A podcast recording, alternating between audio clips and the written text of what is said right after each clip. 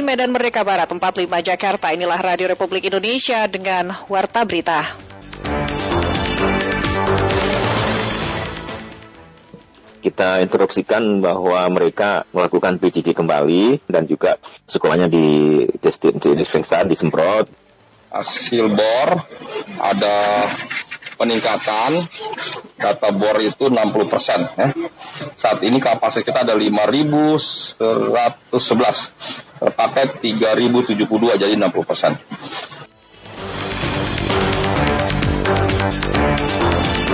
Sari Berita, 4 SMP di Banjarmasin harus tetap tutup sementara karena terpapar COVID-19.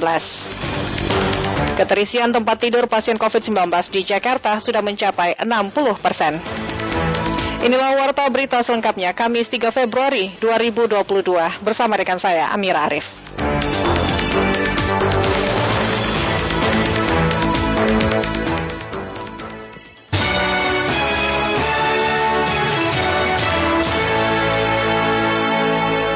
Mengawali warta berita siang ini, kami sampaikan sekilas berita utama.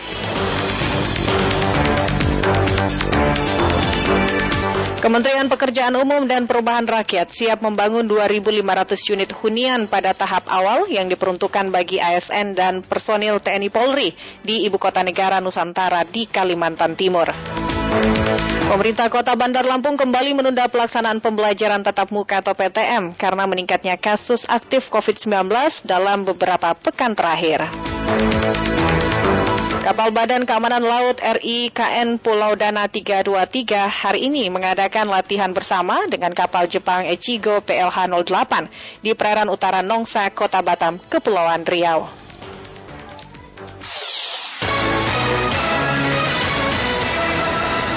Pendengar SMP Negeri 6 Banjarmasin terpaksa menghentikan pembelajaran tatap muka setelah adanya siswa yang terkonfirmasi positif COVID-19. Kondisi itu membuat empat sekolah di Banjarmasin mengkonfirmasi siswanya terpapar COVID-19. Aulia Rahman melaporkan. Uh, hasil pemeriksaan di laboratorium salah satu rumah sakit swasta di Banjarmasin anak kita tuh terpapar positif. Sekolah yang siswanya terpapar COVID-19 kembali bertambah. Kali ini terjadi di SMP Negeri 6 Banjarmasin. Praktis pembelajaran tatap muka terpaksa dihentikan sementara. Amin Shah, PLT Kepala SMP Negeri 6 Banjarmasin mengatakan, siswa bersangkutan diketahui terkonfirmasi positif COVID-19 setelah melakukan pemeriksaan di salah satu laboratorium swasta. Ia terakhir turun ke sekolah pada Jumat 28 Januari 2022 dengan suhu badannya saat itu di bawah 30 derajat dan tidak ada gejala berat, hanya seperti orang flu biasa. Pihak sekolah pun menurut Amin langsung melakukan langkah strategis untuk mengurangi resiko penularan. Nah langkahnya dari tanggal 2 Februari sampai tanggal 8 Februari 2022 SMP 6 melaksanakan PJJ atau belajar di rumah. Nah kemudian langkah-langkah strategis berikutnya yang kita lakukan dalam rangka antisipasi itu adalah uh, kita akan melakukan uh, kontak dengan puskesmas uh, Sungai Mesa. Insya hari ini akan kita kirim surat supaya uh, pihak puskesmas melakukan uh, tracing di SMP Negeri 6. Kepala Dinas Pendidikan Banjarmasin Toto Agus Daryanto menegaskan jika ada siswa atau warga sekolah yang terpapar COVID-19, maka aktivitas belajar mengajar secara pembelajaran tatap muka otomatis akan dihentikan sementara waktu. Kita instruksikan bahwa mereka melakukan PJJ kembali untuk kita mengambil langkah-langkah ya tracing berikutnya di di beberapa siswa secara acak di sekolah yang di kelas yang lain dan juga sekolahnya di disinfektan disemprot dan juga guru-gurunya juga akan melakukan langkah-langkah tadi saya katakan untuk mengantisipasi terjadinya klaster di sekolahan. Sebelumnya pembelajaran jarak jauh juga lebih dulu dilaksanakan tiga SMP lainnya lantaran ditemukan siswanya terkonfirmasi positif COVID-19, yakni SMP Negeri 1 Banjarmasin dengan 13 siswa yang positif COVID-19, lalu SMP Negeri 2 dan SMP Negeri 19 Banjarmasin yang masing-masing ditemukan satu orang siswa. Sehingga sudah ada empat sekolah menengah pertama di Banjarmasin yang siswanya terpapar COVID-19. Kondisi serupa terjadi di Padang. Proses belajar mengajar di Sekolah Dasar Negeri 24 dan 23 Ujung Gurun, Kecamatan Padang Barat, Kota Padang, terpaksa dihentikan selama lima hari ke depan setelah 13 guru dan siswa terkonfirmasi positif COVID-19. Selengkapnya dilaporkan Melati Oktawina dan ini akan diliburkan sampai hari uh, Ahad ya Senin insya sekolah kembali. Usai ditemukannya belasan guru dan siswa di SD Negeri 24 Ujung Gurun terkonfirmasi positif COVID-19 kemarin, sekolah diliburkan pada hari ini. Kondisi penghentian sementara waktu proses belajar mengajar juga dialami SD Negeri 23 karena masih berada dalam satu lingkungan dengan SD Negeri 24 Ujung Gurun. Kepala SDN 23 Ujung Gurun Asnawati kepada wartawan pagi tadi mengungkapkan, seluruh tenaga pengajar dan siswa telah menjalani pemeriksaan PCR pada Senin 31 Januari 2022 lalu. Hasilnya, semua pengajar dan siswa SD Negeri 23 negatif COVID-19. Namun karena BPBD melakukan penyemprotan cairan disinfektan pada seluruh bagian sekolah, sehingga siswa terpaksa dipulangkan karena ada penyemprotan dari UPBD dan dengan adanya uh, positif di SD 24 COVID-19. Tahun saya gurunya 6, siswa 7. Sementara itu Satgas COVID-19 Kota Padang yang juga Kepala BPBD Barlius mengatakan, berdasar Perda nomor 1 tahun 2021 pasal 20 dan 21, sekolah maupun kantor yang terdapat positif COVID-19 sementara waktu harus diliburkan. Setelah itu, bangunan disemprot cairan disinfektan. Sekolah ditutup selama lima hari ke depan hingga Minggu 6 Februari 2022 mendatang. PBM akan dialihkan kembali secara daring atau online. Dan Mikron ini tidak seganas Delta. Dia cuma penyebarannya cepatnya hanya lima hari, lima hari di isolasi masing sesuai guru itu di rumah masing Ya, yang untuk sementara saat ini yang terpapar baru SD 23 dan 4. Barlius menambahkan, guru dan siswa yang positif COVID-19 tersebut terindikasi varian Omikron, sebab penularan varian Omikron sudah menyebar di Sumatera Barat sejak sepekan terakhir. Pendengar tingkat keterisian tempat tidur atau bed occupancy rate atau BOR rumah sakit untuk pasien COVID-19 di Jakarta kini sudah mencapai 60 persen. Selengkapnya dilaporkan Alfred Tuter. Eh hasil ini dulu nih. Hasil apa? Bornya dulu, Bor. Wakil Gubernur Jakarta Ahmad Riza Patria di Balai Kota mengungkapkan kini kondisi tempat tidur di rumah sakit rujukan pasien COVID-19 sudah terpakai 60% dari total kapasitas yang ada. Begitu juga di ruang intensive care unit atau ICU yang kini tempat tidurnya sudah terpakai mencapai 28%. Yang menekankan tren keterisian tempat tidur pasien COVID-19 sampai saat ini masih terus mengalami peningkatan. Hasil bor ada peningkatan data bor itu 60 persen. Ya. Saat ini kapasitas kita ada 5.111, terpakai 3.072 jadi 60 persen. Kita pernah maksimal terisi sampai 11.500 ya tahun lalu. Ini akan kita maksimalkan ke depan. Kemudian ICU 679 terpakai 187, sudah 28 persen. Kondisi ini langsung mendapat respon beragam dari masyarakat. Ada yang meminta Pemprov mengambil langkah penanganan cepat, ada pula yang meminta warga sadar tidak berpergian dalam kondisi saat ini. Saya Joni, warga Ciracas. Saya sih berharap uh, ya apa namanya ada kebijakan strategis dari Pemprov DKI angka penularan COVID-19 ini agar tidak terjadi lagi yang namanya itu lonjakan karena menurut saya bakal menyulitkan ekonomi juga kan kalau terjadi lonjakan.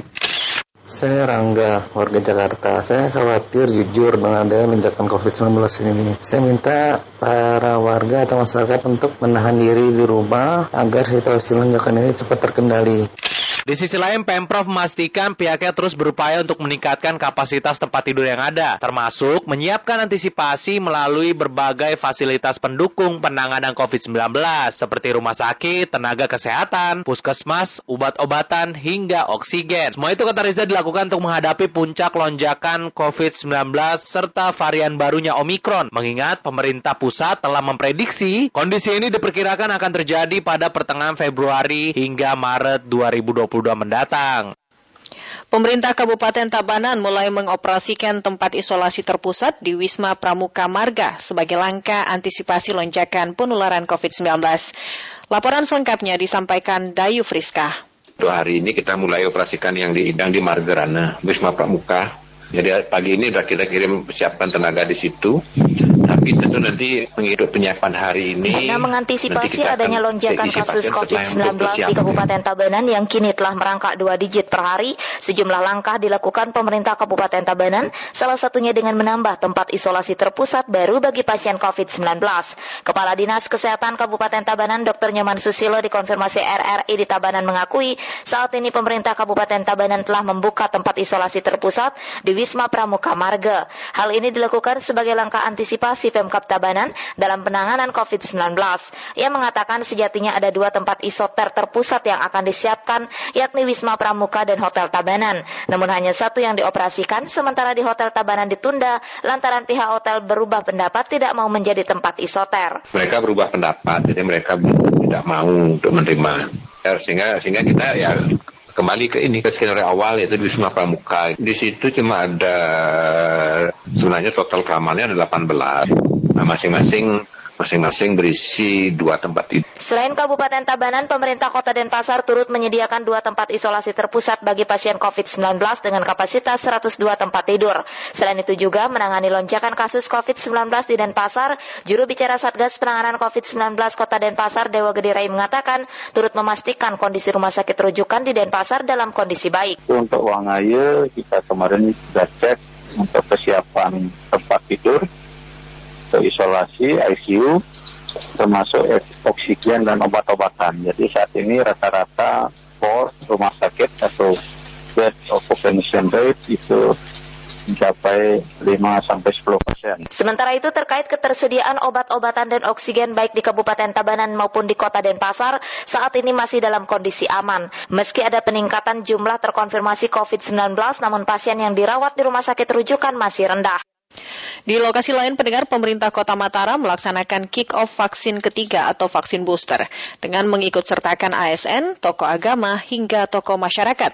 Pemerintah Kota Mataram menargetkan 500 sampai dengan 1000 orang dapat menerima vaksin booster setiap harinya. Muhammad Halui melaporkan.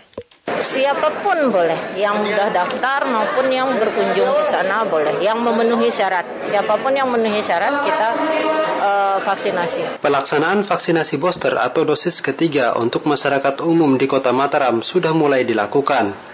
Dalam vaksinasi booster ini, pemerintah menggandeng aparatur sipil negara, tokoh agama, dan tokoh masyarakat. Upaya ini agar ASN dan para tokoh agama maupun masyarakat dapat menjadi contoh bagi masyarakat umum. Direktur Rumah Sakit Umum Daerah RSUD Kota Mataram, Hajah Eka Nurhayati mengatakan, untuk vaksin booster hari pertama, pihaknya menargetkan sebanyak 500 sampai 1000 orang dapat divaksin khusus untuk pegawai lingkup Kota Mataram akan dihabiskan dalam waktu dua hari. Jadi hari ini targetnya 500, minimal 500 sampai 1000, besok 500 juga. Pokoknya pegawai pemkot kita habiskan dulu sampai hari Kamis. Jadi nanti Jumat TNI, ya, Sabtu kami belum ada jadwal, Minggu mungkin di Luang Balu kita akan adakan. Jadi tiap hari kita akan keluar berhubung stok vaksin kita sudah sudah tersedia. Jadi di Kos provinsi saya hubungi vaksin aman. Eka mengatakan selain dipusatkan di gedung pendopo wali kota Mataram, masyarakat juga dapat melakukan vaksinasi booster di fasilitas kesehatan terdekat. Selain itu pihaknya juga akan menyasar sejumlah ruang-ruang publik agar pelaksanaan vaksinasi booster segera mencapai target.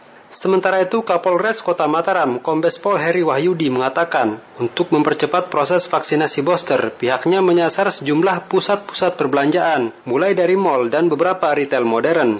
Tujuannya untuk mempermudah masyarakat mendapatkan akses pelayanan vaksinasi booster. Dua kali kita melakukan kegiatan menyasar di area perbelanjaan, pusat-pusat keramaian. Itu tetap dalam waktu satu bulan ini kita gencar melakukan kegiatan. Termasuk juga di Polres juga kita buka gerai untuk kegiatan vaksin.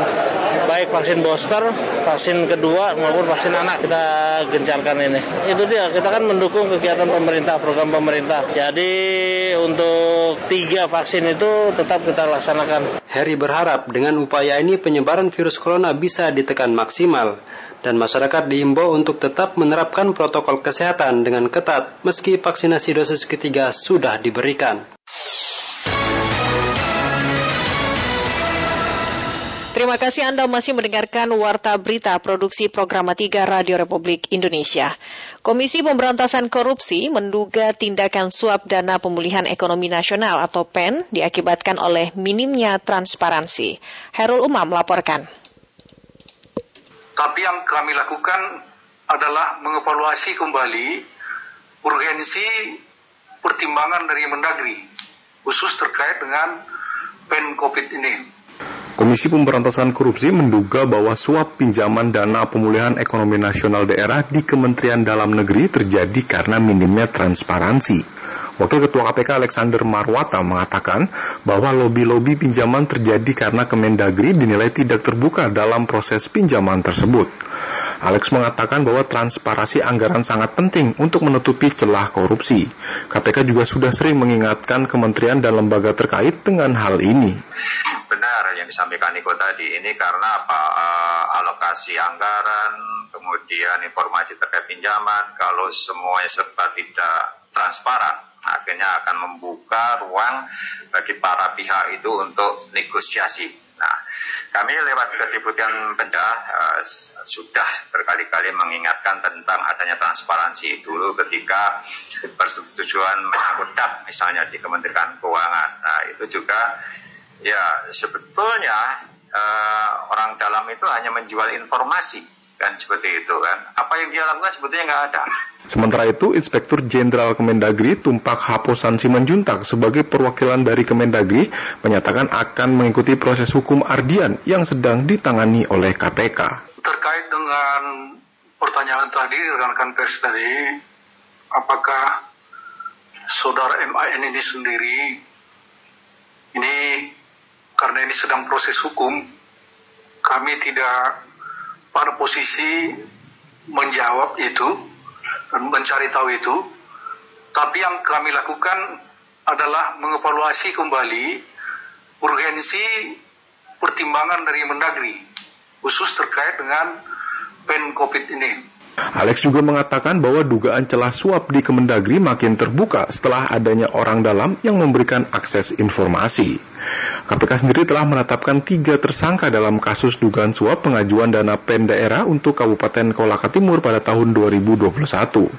Mereka yakni mantan Direktur Jenderal Keuangan Daerah Kemendagri Muhammad Ardian Nurfianto, Bupati Nonaktif Kolaka Timur Andi Merianur, dan Kepala Dinas Lingkungan Hidup Kabupaten Muna Laude M. Syukur Akbar.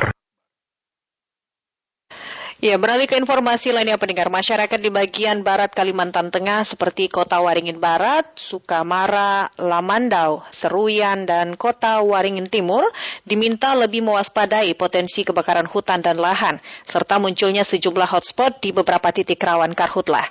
Selengkapnya dilaporkan Sabela Indasari. Untuk wilayah barat, seperti Kota Waringin Barat, Sukamara, Lamandau, Seruyan, Kota Waringin Timur, itu tentu wilayah yang uh, mengalami penurunan curah hujan akan berdampak pada peningkatan hotspot. Badan Meteorologi, Klimatologi, dan Geofisika BMKG Stasiun Cilikriwut Palangkaraya telah memprediksi wilayah rawan kebakaran hutan dan lahan di Kalimantan Tengah dan didominasi bagian barat Kalimantan Tengah. Menurut Kepala BPBD Kabupaten Katingan, Robi, kebencanaan yang kerap terjadi di Kabupaten Katingan adalah bencana banjir. Namun untuk kebakaran hutan dan lahan juga tetap menjadi pantauan dari BPBD Katingan, khususnya untuk titik api atau hotspot yang kerap bermunculan di wilayahnya. Untuk Kabupaten Katingan kita sudah punya peta sebenarnya. Hmm. Daerah rawan kebakaran kita sudah tahu hmm. mana di mana yang rawan kebakaran dengan intensitas ketebalan gambut yang tinggi, kemudian sulitnya medan dan sebagainya itu sudah ada pemetaan-pemetaan itu beberapa kecamatan terutama bagian hilir dari kecamatan Ketingan-Ketingan hilir ke bagian muara gitu maksud saya. Jadi Ketingan hilir, Tasikpayawan, Kamipang, Mendawai, Pegatan itu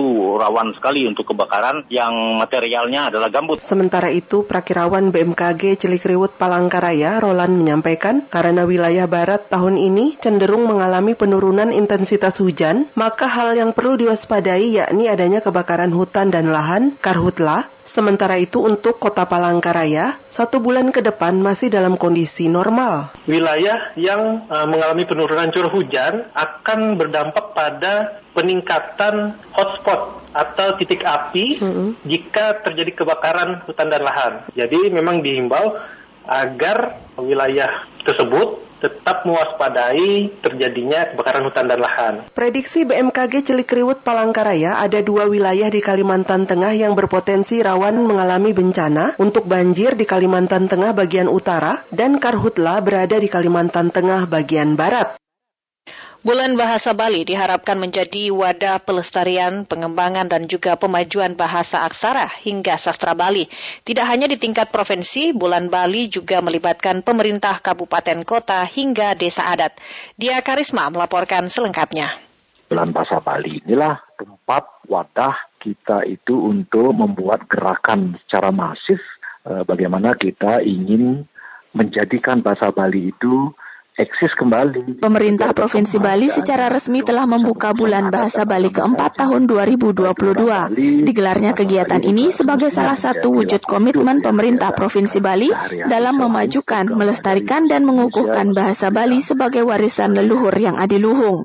Kepala Dinas Kebudayaan Provinsi Bali, Igede Arya Sugiarta, dikonfirmasi RRI mengatakan, pelaksanaan bulan bahasa Bali keempat tahun ini melibatkan pemerintah kabupaten kota, desa adat hingga penyuluh bahasa Bali. Harapannya dengan keterlibatan desa adat termasuk juga penyuluh bahasa Bali, penggunaan bahasa sastra dan aksara Bali dalam kehidupan sehari-hari bisa ditingkatkan lagi. Mengingat di era saat ini, bahasa Bali sudah mulai ditinggalkan karena adanya pengaruh teknologi, akulturasi budaya dan perkembangan zaman. Selama ini kan banyak memang unsur-unsur kebudayaan Bali nilai-nilai kearifan lokal itu terlupakan oleh masyarakat karena memang pengaruh teknologi, perkembangan zaman, dan keberpihakan masyarakat yang lebih banyak pada nalar, pada ekonomi, dan lain sebagainya. Ya, nilai-nilai budaya sebagai sumber uh, kehidupan itu banyak yang dilupakan. Nah, salah satu sumber-sumber kearifan lokal itu kan banyak terdapat dalam bahasa, sastra, dan aksara kan gitu. Sementara Kepala Dinas Kebudayaan, Pemuda, dan Olahraga Kabupaten Kelungkung, Ida Bagus Jumpung Gede Okawadana, dikonfirmasi RRI secara terpisah, mengatakan, mengacu pada Peraturan Gubernur Bali Nomor 80 Tahun 2018 tentang perlindungan dan penggunaan bahasa, aksara, dan sastra Bali, serta pelaksanaan Bulan Bahasa Bali. Bulan Bahasa Bali di Kabupaten Kelungkung akan dibuka dan dilaksanakan selama dua hari, yakni pada tanggal tanggal 7 hingga 8 Februari 2022. Mengingat situasi masih pandemi COVID-19 dan keterbatasan anggaran, kegiatan ini akan dilaksanakan secara terbatas, hanya melibatkan siswa di tingkat SD, SMA, SMK, dan paikatan kerama istri. Sesuai dengan visi misi kabupaten kami, yaitu lestarinya dadat dan budaya, tentu maksud dan tujuan kegiatan kita ini kan dalam rangka pelestarian dan pengembangan kebudayaan yang tumbuh dan berkembang di masyarakat, terutama bahasa, sastra, aksara Bali, dan kita tentu memberi kesempatan kepada masyarakat untuk mengembangkan kreativitasnya melalui kegiatan bulan bahasa Niki. Mengusung tema Danu Kerti Gitaning Toya Ening yang berarti air sumber pengetahuan, setiap kabupaten kota hingga desa adat diwajibkan untuk menyelenggarakan bulan bahasa Bali sebagai upaya pelestarian, pengembangan dan pemajuan bahasa, sastra dan aksara Bali. Gubernur Bali bahkan memerintahkan agar dana-dana desa bisa dialokasikan untuk mendukung kegiatan bulan bahasa Bali di tingkat desa adat.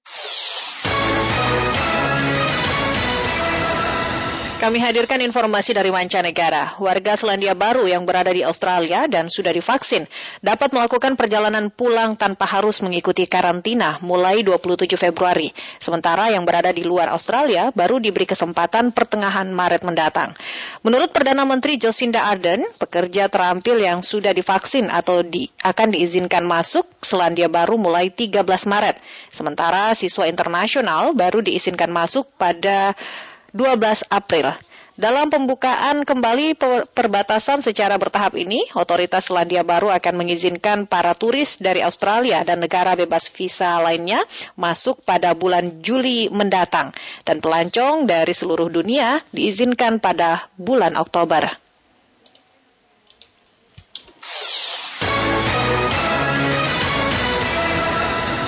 Beralih ke berita olahraga. Tim bola basket Indonesia Patriots memastikan mundur dari pelaksanaan IBL seri kedua di Bandung untuk fokus pada penyembuhan tim pasca 18 pemain dan manajemen positif terpapar COVID-19. Niar Abdul Litiloli melaporkan. Tim Indonesia Patriots dipastikan mundur dari pelaksanaan IBL seri kedua di Bandung usai 18 orang anggota tim mendapatkan hasil tes positif COVID-19 pada pemeriksaan terakhir. Manajer tim Jamin Mototoran dalam rekaman video pendek yang diterima redaksi Pro 3 RRI mewakili seluruh tim menyampaikan permohonan maafnya di mana musibah yang melanda membuat langkah mereka di IBL harus tertahan. Mototoran menyebut saat ini tim akan fokus pada proses pemulihan seluruh pemain dan manajemen. Namun saat ini proses pemulihan sudah terjadi. Ada satu pemain sudah hasilnya negatif dan untuk sekarang kami menunggu untuk melakukan tes PCR yang kedua untuk pemain yang sudah negatif dan juga tes PCR dalam satu atau dua hari ini untuk keseluruhan tim. Seperti kita ketahui juga bahwa Timnas Patriot tidak akan bermain di seri Bandung ini, sehingga saat ini fokus dari timnas adalah pemulihan dan penyembuhan tim. Saya juga selaku manajer meminta maaf kepada masyarakat Indonesia atas musibah yang terjadi atas tim ini. Dan sangat berterima kasih juga untuk support yang diberikan oleh seluruh masyarakat Indonesia oleh Perbasi, Kemenpora, dan juga rekan-rekan klub IBL lainnya yang sudah memberi support yang sangat baik kepada kami, dan juga terutama untuk IBL. Sementara itu, Dokter Panuju dari Rumah Sakit Royal Progress selaku dokter ahli pendamping IBL menjelaskan, ada prosedural tertentu yang memang dijalankan untuk melindungi semua pihak. Bahkan ketika ditemukan kasus positif, mereka telah menyiapkan segala langkah mitigasi yang dibutuhkan. Begitu ada seorang atlet ataupun ofisial yang juga terkait dengan gejala COVID, kita akan melakukan pemeriksaan lebih lanjut ya, termasuk salah satunya adalah swab PCR. Kemudian akan dilakukan pemisahan terkait dengan tim atau atlet tadi yang bersuspek dengan orang yang tidak. Ya, jadi ada proses itu. Kemudian mereka akan menjalani uh, proses pemeriksaan yang lebih lanjut. Informasi terbaru terdapat tambahan kasus positif dari empat tim peserta IBL lainnya. Di antaranya dua pemain dari Dewa United, satu pemain Prawira Bandung, tiga pemain Satria Muda, dan dua pemain dari Bumi Borneo Basketball. Selain itu, pemeriksaan terbaru juga menunjukkan hasil positif untuk lima orang wasit IBL. Dari Jakarta, Mira Abdul Loli, Pro 3 RRI.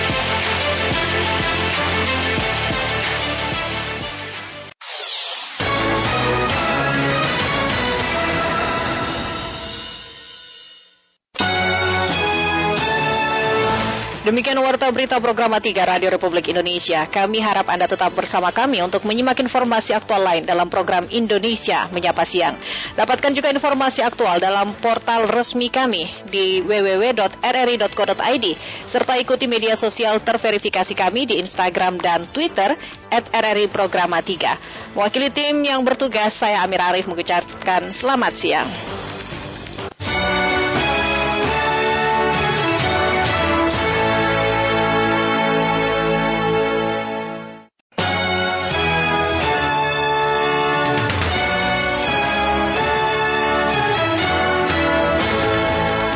Dari Medan Merdeka Barat 45 Jakarta, inilah Radio Republik Indonesia menyampaikan Warta Berita.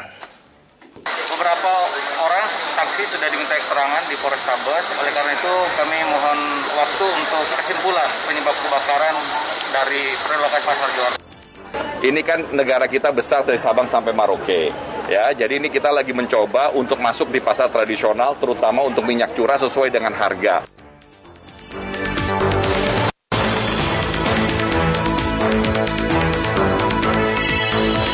Sari berita, penyebab terbakarnya relokasi pasar Johar Semarang masih diselidiki. Menteri Perdagangan pastikan minyak goreng sudah masuk ke pasar-pasar tradisional. Dan inilah warta berita selengkapnya Kamis 3 Februari 2022 bersama saya Fajar Nugroho. Dan saya Amir Arif.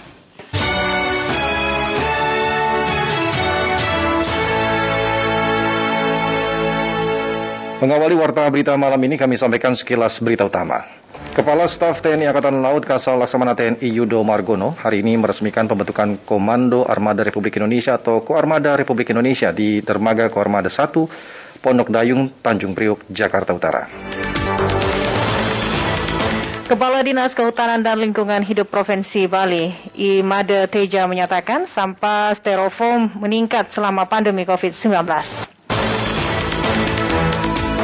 Kepala Bidang Pencegahan dan Pengendalian Penyakit Dinas Kesehatan Kota Bandung, Rosya Arusdiani menyebut kasus COVID-19 di Kota Bandung naik hingga 10 kali lipat hingga da dari 70 kasus menjadi 700 kasus dalam dua minggu terakhir Januari 2022. Polda Jawa Tengah masih menyelidiki penyebab terbakarnya relokasi Pasar Johar Semarang. Kemarin laporan yang disampaikan saat ini bersama dengan reporter Agus Herianto dari RRI Semarang. Sementara dilaksanakan pemeriksaan di TKP oleh tim Pendengar tim Lapor Polda Jawa Tengah sedang melakukan pemeriksaan dan pengumpulan bukti terkait penyebab kebakaran dari relokasi Pasar Johar. Personel kepolisian juga masih disiagakan di lokasi kebakaran. Kapolrestabes Semarang Komisaris Besar Kombes Polisi Irwan Anwar mengatakan, kejadian kebakaran di relokasi Pasar Johar terjadi pada Rabu malam dan api diduga berasal dari Blok F saat kejadian kebakaran. Selain belasan mobil, pemadam kebakaran juga ada tiga mobil water cannon milik Polrestabes Semarang dan Polda Jawa Tengah guna membantu proses pemadaman api. Irwan menjelaskan hasil penghitungan sementara ada 500 lebih kios yang ludes terbakar. Menurutnya hasil pemeriksaan dari tim 4 Polda Jawa Tengah akan menentukan penyebab dari kebakaran di relokasi pasar jual tersebut. Beberapa orang saksi sudah diminta keterangan di Polrestabes. Oleh karena itu kami mohon uh, dari rekan-rekan waktu untuk kesimpulan penyebab kebakaran dari relokasi pasar jual. Sementara itu salah satu pedagang mengais barang dagangan yang masih dapat dimanfaatkan, yakni Agus Sani saat ditemui di relokasi pasar Johar Blok F nomor 6 pasca kebakaran cuman sedikit lain yang lainnya malah lebih banyak seperti pedagang bisa menyelamatkan diri dan takut kok. Sani mengharapkan pemerintah dapat memperhatikan para korban kebakaran dan mendapat bantuan agar berjualan kembali.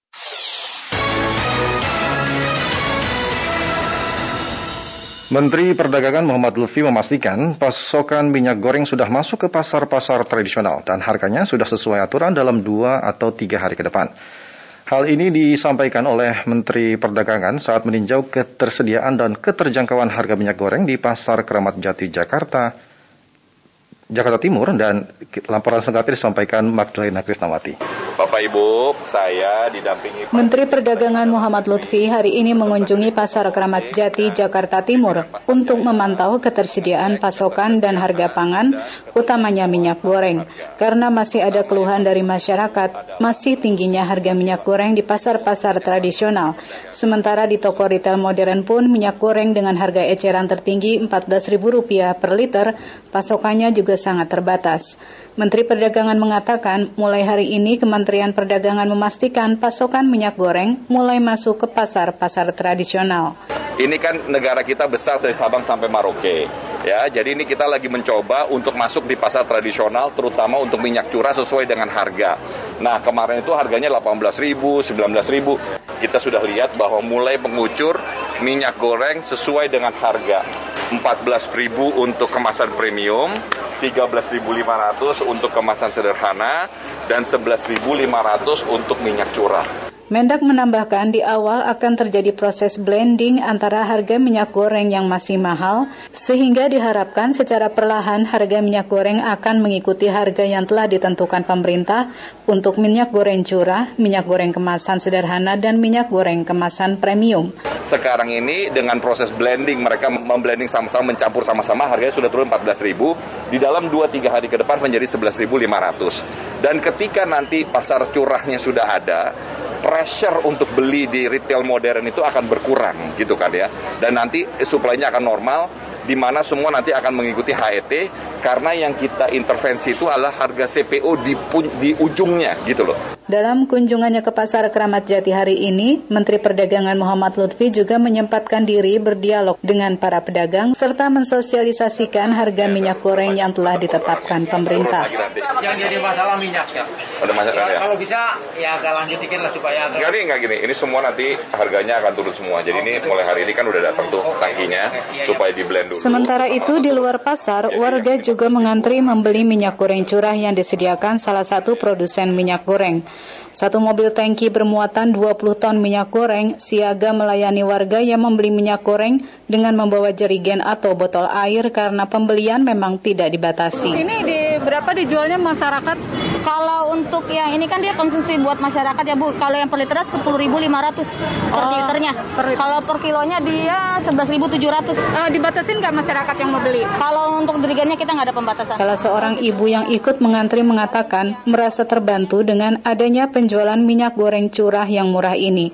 Ia berharap ke depannya harga minyak goreng kembali normal. Nyarinya yang murah yang ngantri udah pulang kan jadi jadi ngantri dulu. Aduh, ya. harapannya gimana Bu? Karena ya, mudah-mudahan murah aja lah, gitu aja lah. Harapannya ya, kita ya, tinggal murah, Mudah-mudahan murah, langsung saja ekonomi.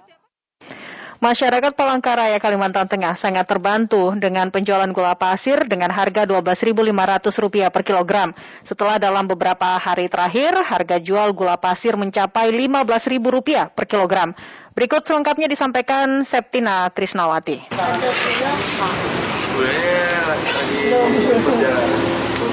Outlet penjualan barang kebutuhan pokok di depan kantor Bulog Kanwil Kalimantan Tengah yang sudah buka sejak pagi didatangi satu persatu oleh ibu-ibu rumah tangga. Mereka menanyakan gula pasir yang dijual Bulog sesuai dengan harga eceran tertinggi, head, yakni Rp12.500 per kilogram. Warga memilih membeli gula pasir di outlet milik Bulog karena di pasar kota Palangkaraya harga gula sudah mencapai Rp15.000 per kilogram.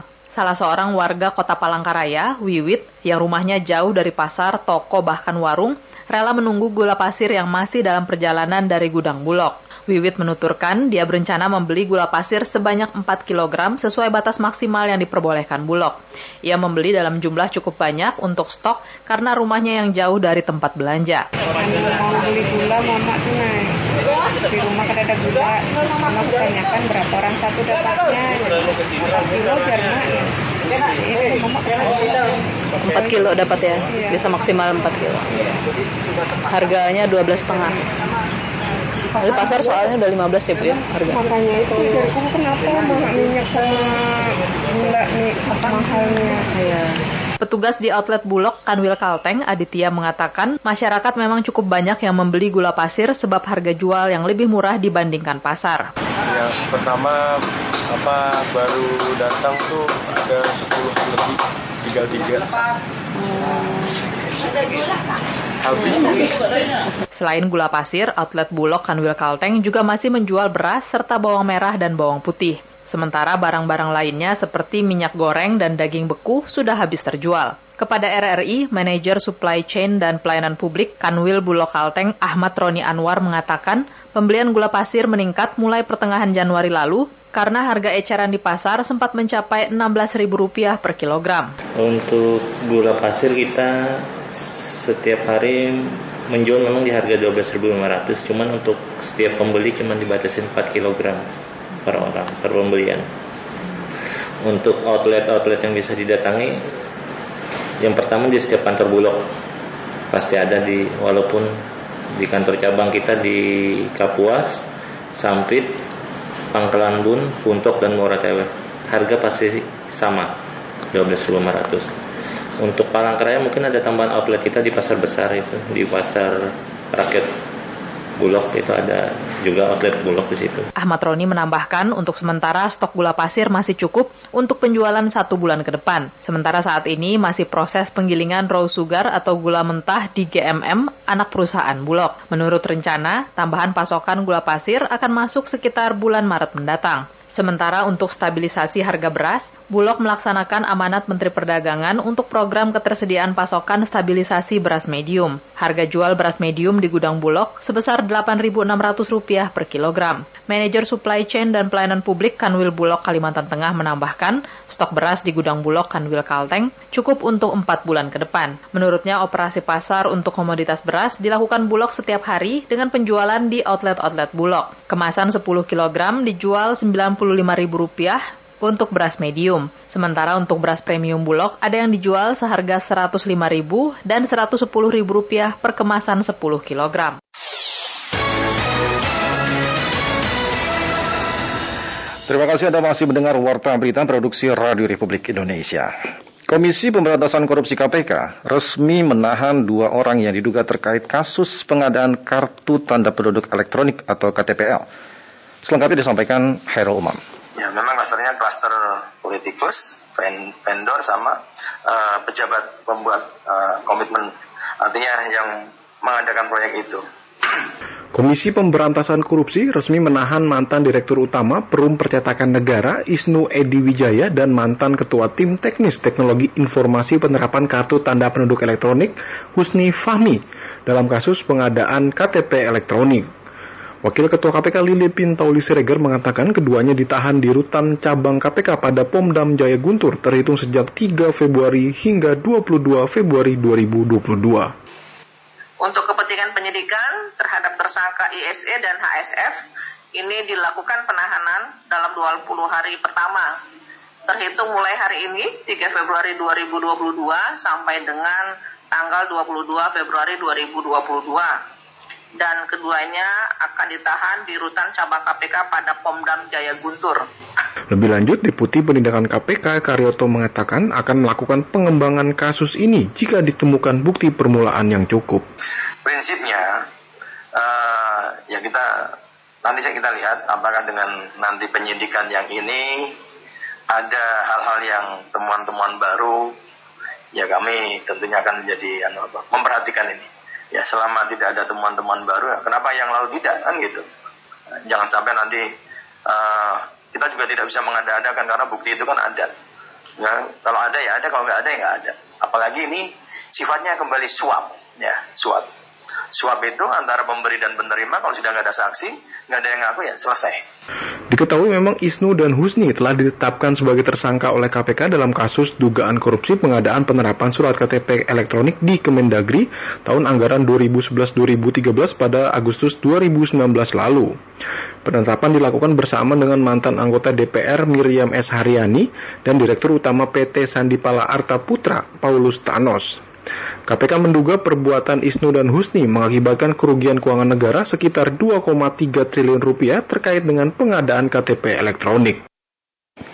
Jaksa Penuntut Umum Kejaksaan Agung dan Kejaksaan Negeri Jakarta Pusat akan menempuh upaya hukum berikutnya usai Majelis Hakim memberikan vonis bebas terhadap Sean William Hanley selaku Direktur Utama PT Indo Sterling Optima Investa atau PT IOI terdakwa kasus dugaan gagal bayar yang merugikan masyarakat senilai 1,2 triliun rupiah.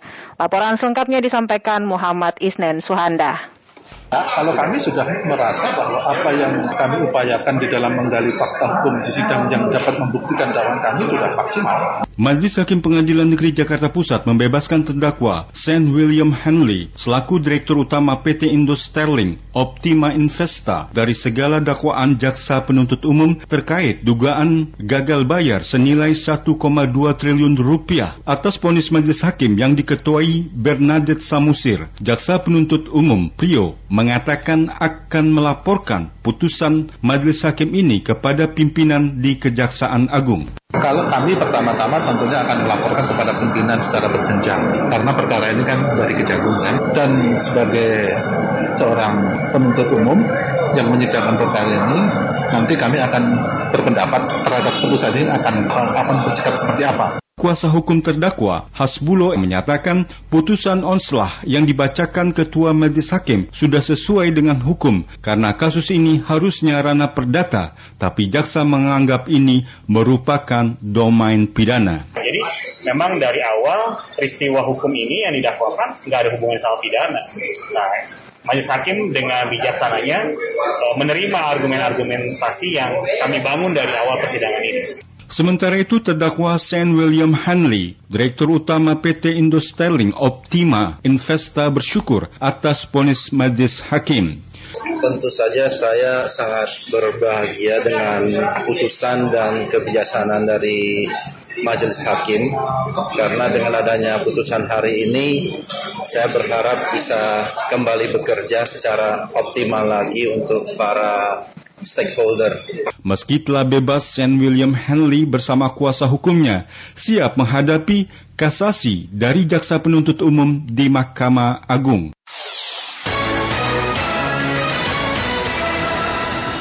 ...723 SK hutan sosial di Sumatera Utara dan 19 provinsi lainnya di Indonesia hari ini diserahkan Presiden Joko Widodo kepada masyarakat. Dalam pesannya kepada para penerima, Presiden meminta agar lahan yang sudah diberikan dapat dimanfaatkan secara produktif. Pradip Tarahadi melaporkan untuk Anda. Presiden Republik Indonesia. Hari kedua kunjungan kerja ke Provinsi Sumatera Utara pada hari ini diisi oleh Presiden Joko Widodo dengan menanam pohon bersama rakyat dan penyerahan SK hutan sosial dan sertifikat tanah. Presiden Joko Widodo menyampaikan Pemerintah pada hari ini menyerahkan 723 SK hutan sosial di Sumatera Utara dan 19 provinsi lain di tanah air secara serentak. Presiden lantas mengingatkan kepada para petani yang mendapatkan SK tersebut untuk memanfaatkannya dengan baik. Kepala negara pun menjelaskan pemanfaatan lahan juga bisa digabung atau dikombinasikan dengan usaha peternakan ataupun usaha perikanan selama itu produktif. Ini baik hutan sosial maupun tora maupun untuk hutan adat, segera manfaatkan lahan yang ada sesegera mungkin. Jangan sudah diberikan, kemudian tidak diapa-apain. Segera tanami 50 persen dari lahan yang ada dengan pohon berkayu. Ini aturan main. 50 persen lagi sisanya ditanami tanaman semusim. Silahkan mau ditanam jagung, silahkan. Mau ditanami kedelai, silahkan mau ditanami padi hutan, silahkan. Mau ditanami buah-buahan, silahkan. Mau ditanami kopi, silahkan. Dalam pola agroforestry. Kepala negara mengaku dirinya tidak akan sungkan-sungkan untuk mencabut SK yang sudah diberikan apabila tidak dimanfaatkan dengan baik dan benar atau ditelantarkan ataupun dipindah tangan ke pihak lain. Ini laku, ya hati-hati, kita memberikan bukan untuk dipindah tangankan. Begitu kita tahu bisa dicabut SK-nya. Hati-hati, kita memberikan tapi harus produktif dan tidak dipindah tangankan. Juga jangan diterlantarkan, tidak diapa-apain. Ini kita ikuti loh ya.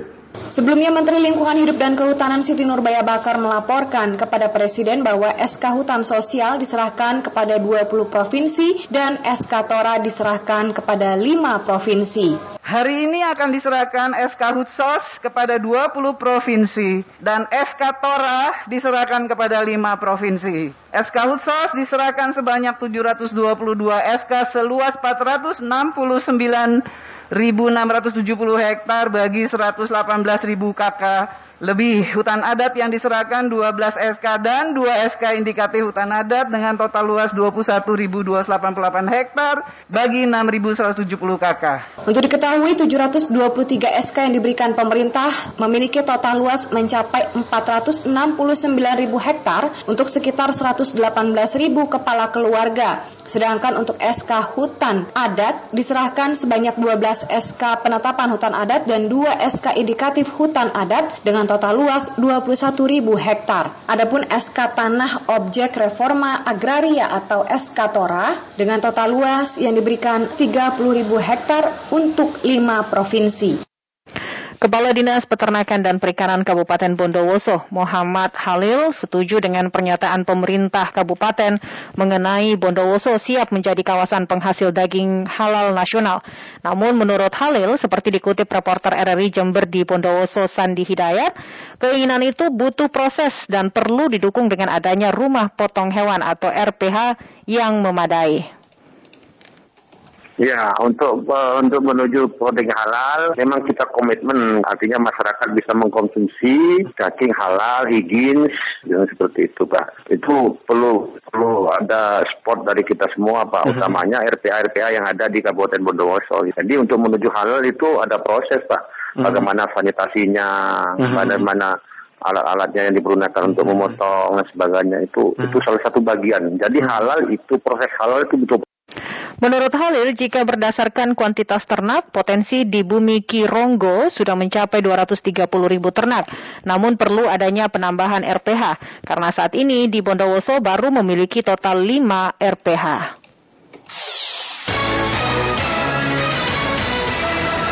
Beralih ke informasi mancanegara, negara-negara anggota ASEAN mendesak junta militer Myanmar sepenuhnya menerapkan konsensus lima poin yang disepakati dalam ASEAN Leaders Meeting di Jakarta pada tanggal 24 April 2021 yang lalu. Melalui keterangan tertulis dari Sekretariat ASEAN di Jakarta hari ini, para pemimpin negara anggota ASEAN menyatakan keprihatinan yang mendalam atas laporan kekerasan yang terus berlanjut dan situasi kemanusiaan di Myanmar. Untuk itu, negara-negara anggota ASEAN menggarisbawahi pentingnya penghentian segera segala bentuk kekerasan di Myanmar, serta meminta semua pihak mendorong kondisi yang kondusif dan dialog konstruktif untuk mencari solusi yang damai.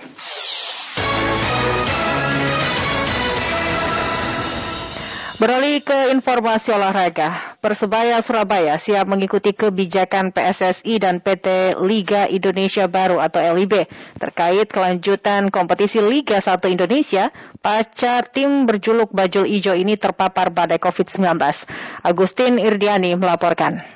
Ini pertandingan komposisi yang sangat darurat di mana setelah mengetahui hasil tes COVID ternyata kami memiliki pertamanya 14 pemain yang positif terus diulang lagi menjadi 12 akhirnya kami bisa menjalankan pertandingan karena minimal 14. Setelah ditahan imbang PSIS Semarang Persebaya dijadwalkan berjumpa Persipura Jayapura pada Minggu 6 Februari mendatang. Belum jelas bagaimana nasib pertandingan tersebut. Apalagi kompetisi Liga 1 sedang disorot karena banyak pemain yang terpapar COVID-19.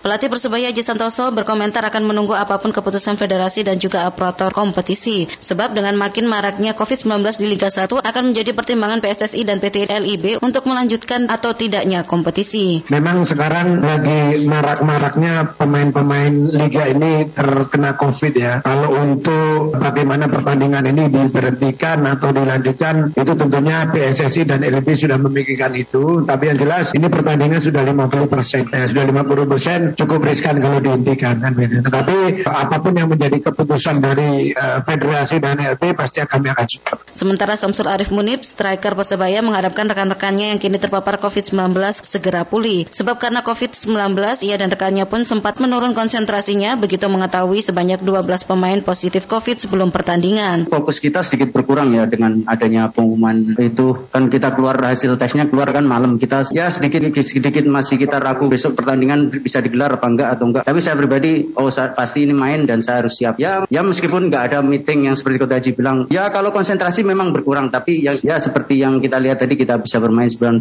menit ya meskipun nggak 100% fit. Dalam emergency meeting yang digelar pada Rabu 2 Februari, Wakil Satgas COVID-19 Liga 1 Dr. Alvan Nur Asyad menjelaskan sudah ada sekitar 60 pemain yang terpapar namun dengan gejala ringan. Sementara 19 pemain telah dinyatakan sembuh. Selain Persebaya, sejumlah klub yang pemainnya terkonfirmasi positif COVID-19 seperti Arema, Persib, Persija, PSM, PSS, Madura United, Persik, dan PSIS.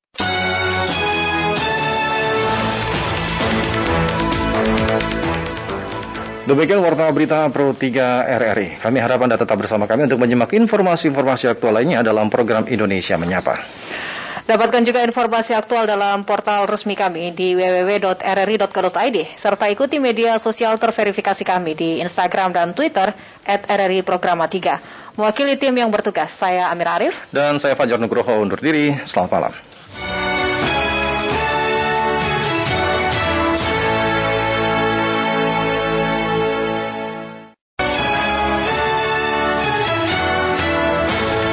Dari Medan Merdeka Barat 45 Jakarta, inilah Radio Republik Indonesia dengan Warta Berita. merefleksikan kepercayaan komunitas internasional atas kepemimpinan Indonesia dalam isu kebencanaan.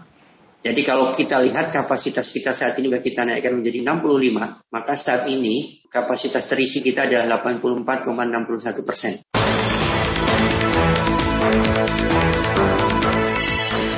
Sari Berita, Indonesia tuan forum global untuk pengurangan risiko bencana. Rumah Sakit Umum Pusat Persahabatan menambah kapasitas tempat tidur pasien COVID-19. Dan inilah warta berita selengkapnya Kamis 3 Februari 2022 bersama saya Lero Hali dan saya Zaini. Mengawali warta berita pagi ini kami hadirkan sekilas berita. Polisi berhasil menangkap 15 orang pelaku bentrok di kota Sorong, Papua Barat yang telah menewaskan 18 orang.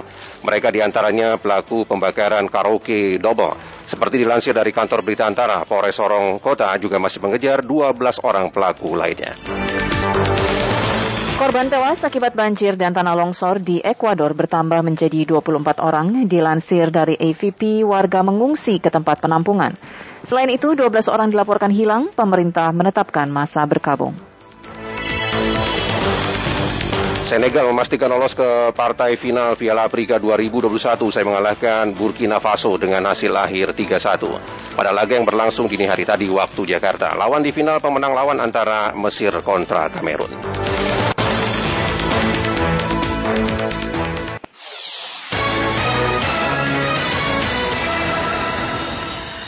Indonesia menjadi tuan rumah penyelenggaraan Forum Global untuk Pengurangan Resiko Bencana atau Global Platform for Disaster Risk Reduction yang akan berlangsung di Bali pada Mei mendatang. Kami hadirkan informasi ini selengkapnya bersama Retno Mandasari.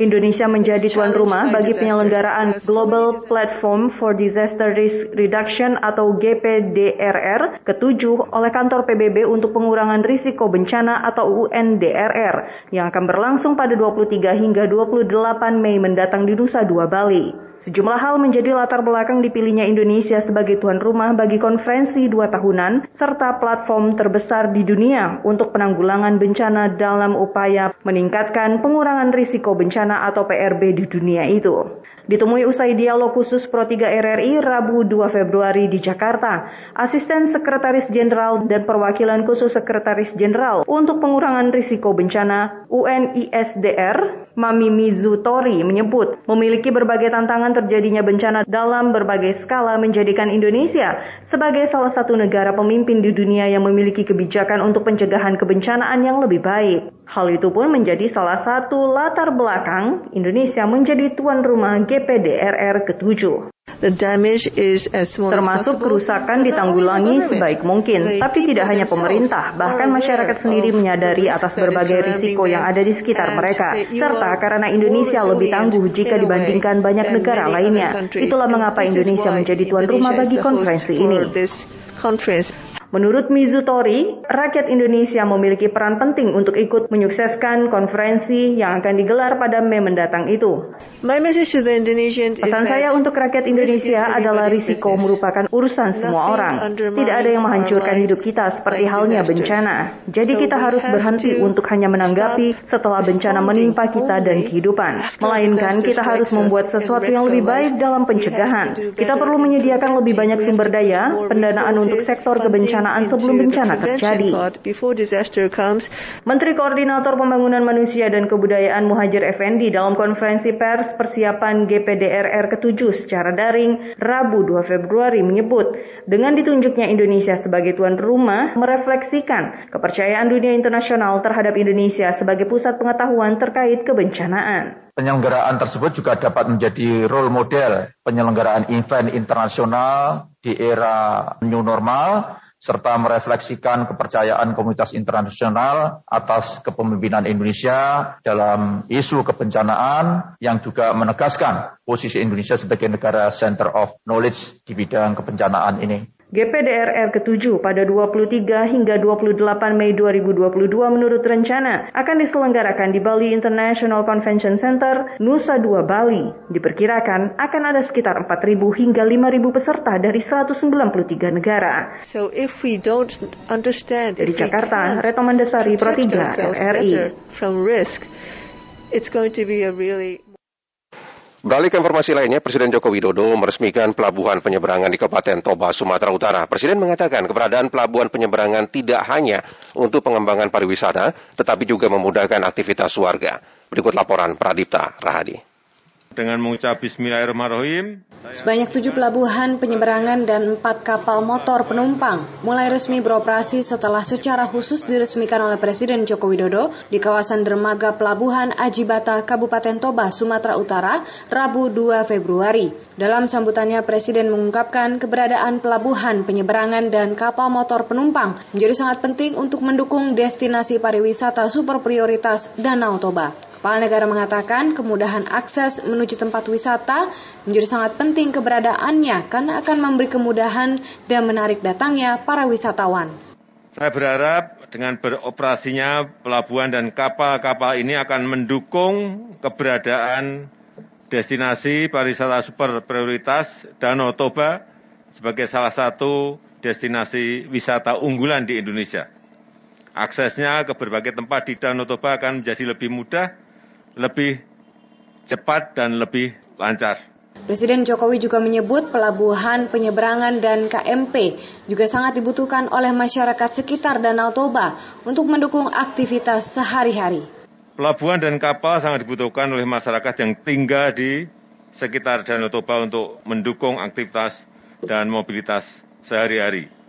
Menyeberang dari satu pelabuhan ke pelabuhan lain, meningkatkan konektivitas antar kecamatan, dan antar kabupaten. Tujuh pelabuhan yang diresmikan oleh Presiden yaitu Pelabuhan Ajibata dan Balige di Kabupaten Toba, Pelabuhan Tigaras di Kabupaten Simalungun, Pelabuhan Simanindo di Kabupaten Samosir, Pelabuhan Marbun Toruan atau Bakti Raja di Kabupaten Humbang Hasundutan, Pelabuhan Muara di Kabupaten Tapanuli Utara, dan Pelabuhan Tongging di Kabupaten Karo.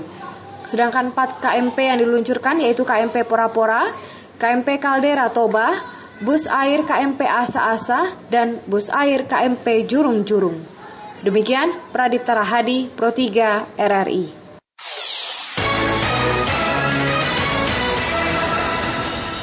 Rumah Sakit Umum Pusat Persahabatan Jakarta menambah kapasitas tempat tidur karena jumlah pasien COVID-19 terus meningkat sejak awal Januari 2022.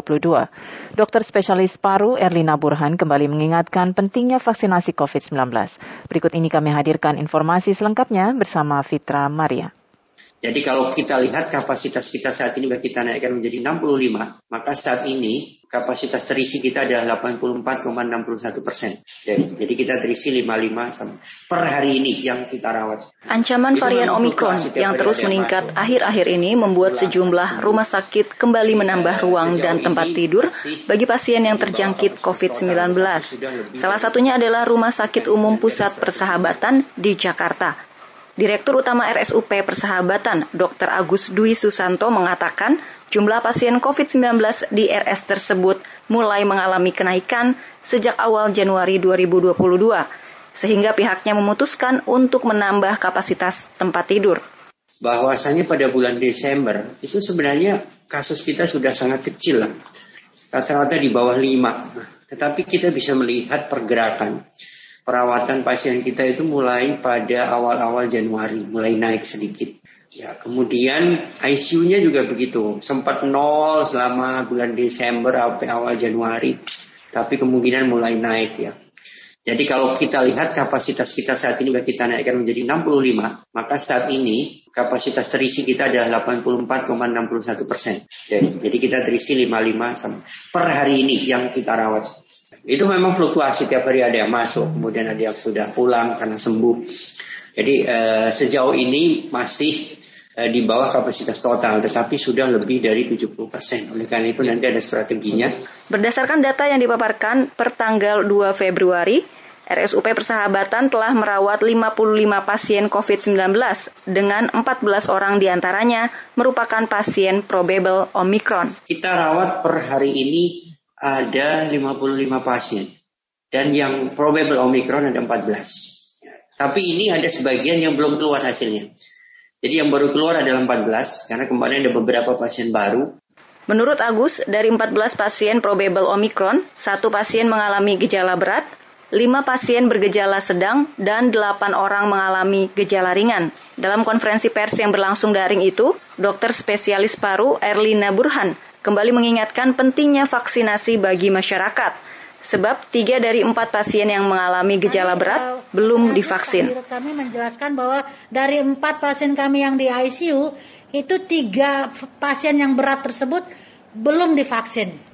Dan juga tadi dari pasien yang dirawat di persahabatan sebagian adalah WNI yang menunjukkan memang bahwa penularan kasus sekarang terjadi di komunitas atau lokal, bukan lagi pada PPLN pelaku perjalanan luar negeri. Memang dikatakan Omikron ini ringan, tetapi hati-hati kalau Omikron ini mengenai orang-orang yang rentan seperti lansia, orang dengan komorbid atau anak-anak biasanya gejalanya lebih berat dibandingkan pada uh, di luar kelompok ini.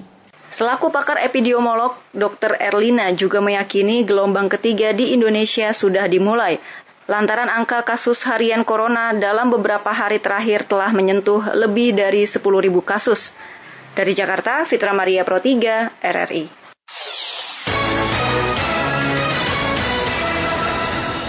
Anda masih mendengarkan Warta Berita Radio Republik Indonesia. Perhimpunan Hotel dan Restoran Indonesia atau PHRI membantah anggapan hotel mengkofitkan wisatawan. PHRI mendukung kepolisian untuk menindak oknum pelaku kasus jebakan dalam karantina. Informasi ini kami hadirkan selengkapnya dalam laporan khusus Pro 3 RRI bersama dengan Alfred Tuter. Laporan khusus. Ya, tentunya ini merupakan atensi dari Bapak Presiden Presiden Joko Widodo geram kebijakan terkait lamanya karantina disalahgunakan mafia dengan memperpanjang masa karantina pelaku perjalanan luar negeri. Presiden dalam jumpa pers terbarunya meminta agar Kapolri untuk mengusut tuntas praktek jebakan karantina ini. Menteri Pariwisata dan Ekonomi Kreatif Sandiagono mengakui pihaknya banyak menerima laporan kasus ini dari masyarakat, namun kebanyakan dianggap sebagai miskomunikasi atau persepsi, bahkan biasanya tidak ditindaklanjuti. Untuk itu ia menegaskan pelayanan terhadap para wisatawan yang berkunjung ke Indonesia ini akan menjadi bahan evaluasi dan perbaikan. Karena itu kami secara tegas menyampaikan bahwa kita perlu penanganan yang lebih komprehensif, jangan uh, menyepelekan masyarakat uh, masalah, jangan mengecilkan masalah, tapi setitik apa pun, sekecil apa pun potensi terjadinya uh, pelayanan yang tidak prima terhadap wisatawan, apalagi pelaku pelajaran uh, pelaku perjalanan luar negeri ini perlu uh, tentunya kita perbaiki dan kita koreksi. Sementara itu Kadif Humas Polri Irjen Dedi Prasetyo mengungkapkan, Kapolri Jenderal Listio Sigit Prabowo telah membentuk tim khusus guna mengungkap praktek jebakan karantina ini, sehingga ia memastikan tindakan tegas bakal dilakukan kepada para pelaku. Kita bekerja sama dengan sahabat terkait lainnya, itu ada Satgas COVID, kemudian ada stakeholder yang terlibat langsung dari mulai kedatangan PPLN sampai dengan ke lokasi karantina. Prinsipnya, tim yang sudah dibentuk oleh Bapak Kapolri akan menindak tegas siapa pun yang terlibat terkait menyangkut masalah pelanggaran kekarantinaan. Di sisi lain, Sekretaris Jenderal Perhimpunan Hotel dan Restoran Indonesia Maulana Yusa menegaskan, hotel sama sekali tidak ada hubungannya dengan hasil positif PCR yang dialami pelaku perjalanan, sehingga tidak mungkin pihak hotel mengkofitkan para wisatawan. Untuk itu, ia mendukung apa yang disampaikan kepala negara dan meminta agar para pelaku bisa diungkap di depan publik. Eh, kami sangat mendukung apa yang disampaikan oleh Pak Presiden. Ini harus diusut tuntas supaya jangan nama hoteliers yang menjadi buruk uh, apa di mata dunia saat ini. Karena kami juga agak sedih juga ya. Karena dianggap sebagai uh, hotel mengcovidkan orang. Sehingga uh, kurang lebih image dari uh, hoteliers di Indonesia itu menjadi rusak, di mana situasi kami dalam tiga tahun ini bukan situasi yang cukup baik dan belum bisa menyerap tenaga kerja kami kembali. Bagi informasi, kasus jebakan karantina ini pertama kali mencuat dari postingan Menteri Pariwisata dan Ekonomi Kreatif lewat akun resmi Instagramnya. Di situ, Sandiaga menyampaikan dirinya tengah menemukan adanya turis asal Ukraina yang mengalami jebakan karantina sehingga harus mengeluarkan uang lebih untuk membayar biaya karantina. Dari Jakarta, Alfred Stuter Pro 3 RRI. Presiden Jokowi mengaku menerima keluhan warga negara asing terkait dugaan permainan karantina. Kepala negara memerintahkan Kapolri Jenderal Listio Sigit Prabowo untuk mengusut tuntas. Lalu apakah tanggapan dari masyarakat? Saya Maman, warga Cibubur. Saya sih merasa aneh aja ya, kok bisa ada orang yang tega gitu ya. Apalagi dalam situasi COVID ini, masih aja jebak orang. Sungguh tega banget ya, sungguh terlalu. Saya Damar, warga Depok meminta agar mereka yang melakukan jebakan karantina ini ditangkap, terus dipajang di publik area biar jerak. Saya Baruna, saya warga DKI Jakarta. Uh, saya meminta para pelaku jebakan karantina untuk dihukum seberat-beratnya.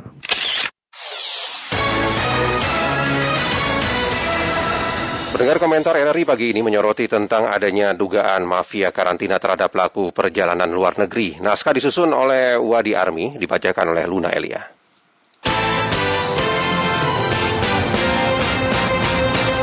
Editorial Selamat pagi pendengar. Lagi-lagi, kerja keras semua pihak dalam menangani dan mengatasi pandemi COVID-19 di tanah air tercoreng gara-gara dugaan mafia karantina terhadap warga negara asing WNA yang masuk ke Indonesia. Kasus ini mengemuka menyusul unggahan media sosial milik Menteri Pariwisata dan Ekonomi Kreatif Menparekraf Sandiaga Uno yang mengungkapkan adanya keluhan warga negara asing asal Ukraina soal karantina pada salah satu hotel di Jakarta. WNA asal Ukraina itu mengeluh pada hari terakhir karantina, ia bersama putrinya yang hendak berlibur ke Bali mendapat kabar bahwa tes PCR yang diambil sebelum mereka meninggalkan hotel hasilnya positif COVID-19. Karena merasa janggal dengan hasil tersebut, mereka pun memohon kepada pihak hotel untuk melakukan tes PCR ulang ke luar hotel. Namun pihak hotel tidak mengizinkan, bahkan menawarkan perpanjangan karantina dengan biaya yang cukup besar. Dengan peristiwa yang dialami, wisatawan ini merasa tertipu. Adanya dugaan permainan karantina kepada pelaku perjalanan luar negeri atau PPLN juga sampai ke Presiden Joko Widodo. Dalam keterangannya, Presiden Jokowi juga banyak mendapatkan aduan dari para WNA mengenai praktek tersebut. Bahkan, Presiden sudah memerintahkan Kapolri Jenderal Polisi Listio Sigit untuk mengusut tuntas permainan dalam pelaksanaan karantina PPLN tersebut. Kepala negara juga meminta agar disiplin dalam melakukan pengetatan di pintu-pintu masuk internasional dan pelaksanaan proses karantina PPLN dilakukan secara benar. Kebijakan karantina diterapkan bagi WNA maupun WNI yang baru tiba di Indonesia dari luar negeri selama tujuh hari. Dimaksudkan sebagai upaya memperketat pintu masuk Indonesia dari ancaman penyebaran virus corona, khususnya Omikron. Ditunjuknya puluhan wisma ataupun hotel sebagai fasilitas karantina bagi pelaku perjalanan internasional karena dinilai telah memiliki standarisasi khusus kelayakan. Adanya dugaan mafia karantina ini tentu dapat mengganggu reputasi Indonesia yang selama ini dinilai mampu menangani pandemi sebagai best practice di dunia dan upaya memajukan sektor pariwisata dalam memulihkan ekonomi. Seperti kita ketahui, sektor pariwisata Indonesia saat ini tengah berjuang agar kembali pulih setelah dihantam pandemi. Ironisnya, adanya dugaan mafia tersebut justru membuat permasalahan baru. Hal ini dikhawatirkan akan menyurutkan minat wisatawan mancanegara untuk berkunjung ke Indonesia. Aparat penegak hukum sudah selayaknya bertindak tegas mengusut tuntas dugaan mafia karantina ini. Sehingga apa yang menjadi penalu dalam upaya pengendalian pandemi COVID-19 dan upaya meningkatkan perekonomian nasional dari sektor pariwisata dapat terwujud. Apalagi tahun 2022 ini telah ditargetkan adanya peningkatan kunjungan wisatawan ke Indonesia mencapai 100 persen dari yang tadinya 1,6 juta hingga 1,7 juta menjadi 1,8 juta hingga 3,6 juta kunjungan dan nilai devisa pariwisatanya mencapai 470 juta dolar Amerika atau 6,7 triliun rupiah lebih hingga 1,7 miliar dolar Amerika atau 24,4 triliun rupiah lebih.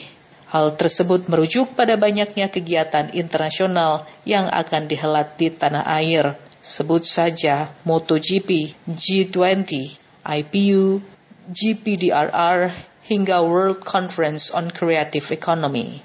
Sekian komentar.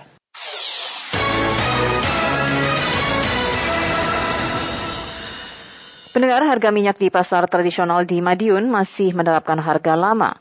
Harga berkisar Rp16.000 hingga Rp11.000 per liter. Pedagang mengaku belum mendapatkan kompensasi sehingga masih menjual harga yang lama. Berikut Eka Wulan melaporkan. Untuk minyak yang kemasan, kalau 14.000 nggak bisa, itu di atas 14.000. Harga minyak goreng di pasar tradisional Kota Madiun belum beranjak turun. Pedagang masih menerapkan harga lama, belum sesuai harga eceran tertinggi HET yang ditetapkan pemerintah per 1 Februari 2022. Hal itu diketahui saat Dinas Perdagangan melakukan pemantauan harga minyak goreng di Pasar Besar Madiun. Seorang pedagang di Pasar Besar Madiun, Budiono, mengatakan untuk harga minyak goreng curah tanpa merek, saat ini ia jual Rp19.000 per kilogram. Sedangkan harga minyak goreng kemasan 1 liter dijual bervariasi mulai Rp16.000 hingga Rp19.000 per liter tergantung merek. Belum turunnya harga minyak goreng disebabkan karena harga dari distributor masih tinggi. Kalaupun ada yang subsidi, pembeliannya dari distributor dibatasi. Setiap pedagang hanya mendapatkan dua karton minyak goreng kemasan. Kalau barangnya ada siap kita jual. Kalau memang itu harganya harus dijual 14.000 dan dari mungkin dari distributor atau dari pemasok ini harganya di bawah 14.000 kita jual. Kita jual sama dengan HET-nya 14 ya 14 ya 11 setengah ya 11 setengah. Kita pedagang juga mengalami kerugian ya karena belum adanya kompensasi. Jadi mau tidak mau kita juga menjual harga yang murah kalau dapat e, jatah juga menjual barang yang stok lama. Dengan harga kita nggak ngambil keuntungan kita jual kembalikan dengan harga pokok. Itu keadaan sekarang dan apa ternyata yang dianjurkan dari pemerintah untuk 1 Februari minyak itu dengan harga yang sama ternyata belum bisa merata. Kepala Bidang Perdagangan Dinas Perdagangan Kota Madiun Surat mengakui hasil pemantauan di pasar besar penjual masih menerapkan minyak goreng dengan harga lama Alasannya masih menghabiskan stok yang ada, sedangkan minyak goreng subsidi belum sepenuhnya sampai ke tingkat pedagang. Kalaupun ada sifatnya terbatas dan hanya merek-merek tertentu. Ternyata di pasar besar pada saat ini karena masih ada stok lama dan barang belum sampai ke para pedagang, akhirnya masih di pasaran masih menggunakan harga yang lama. Terkait stok minyak goreng di Kota Madiun masih mencukupi.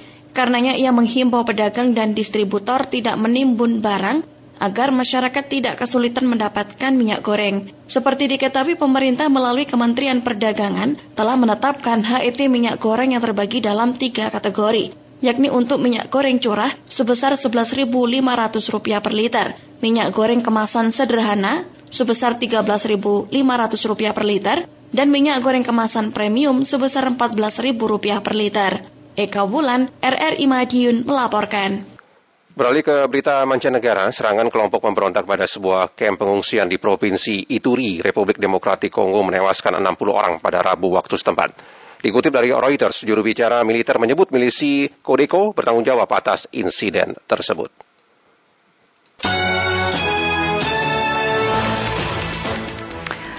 Selepas ini kami akan menghadirkan kembali pendengar Indonesia Menyapa Pagi Dapatkan juga beragam informasi aktual dari portal resmi kami www.rri.co.id serta ikuti media sosial terverifikasi kami di Instagram dan Twitter at RRI Programa 3. Saya Lerohali. Dan saya Zaini.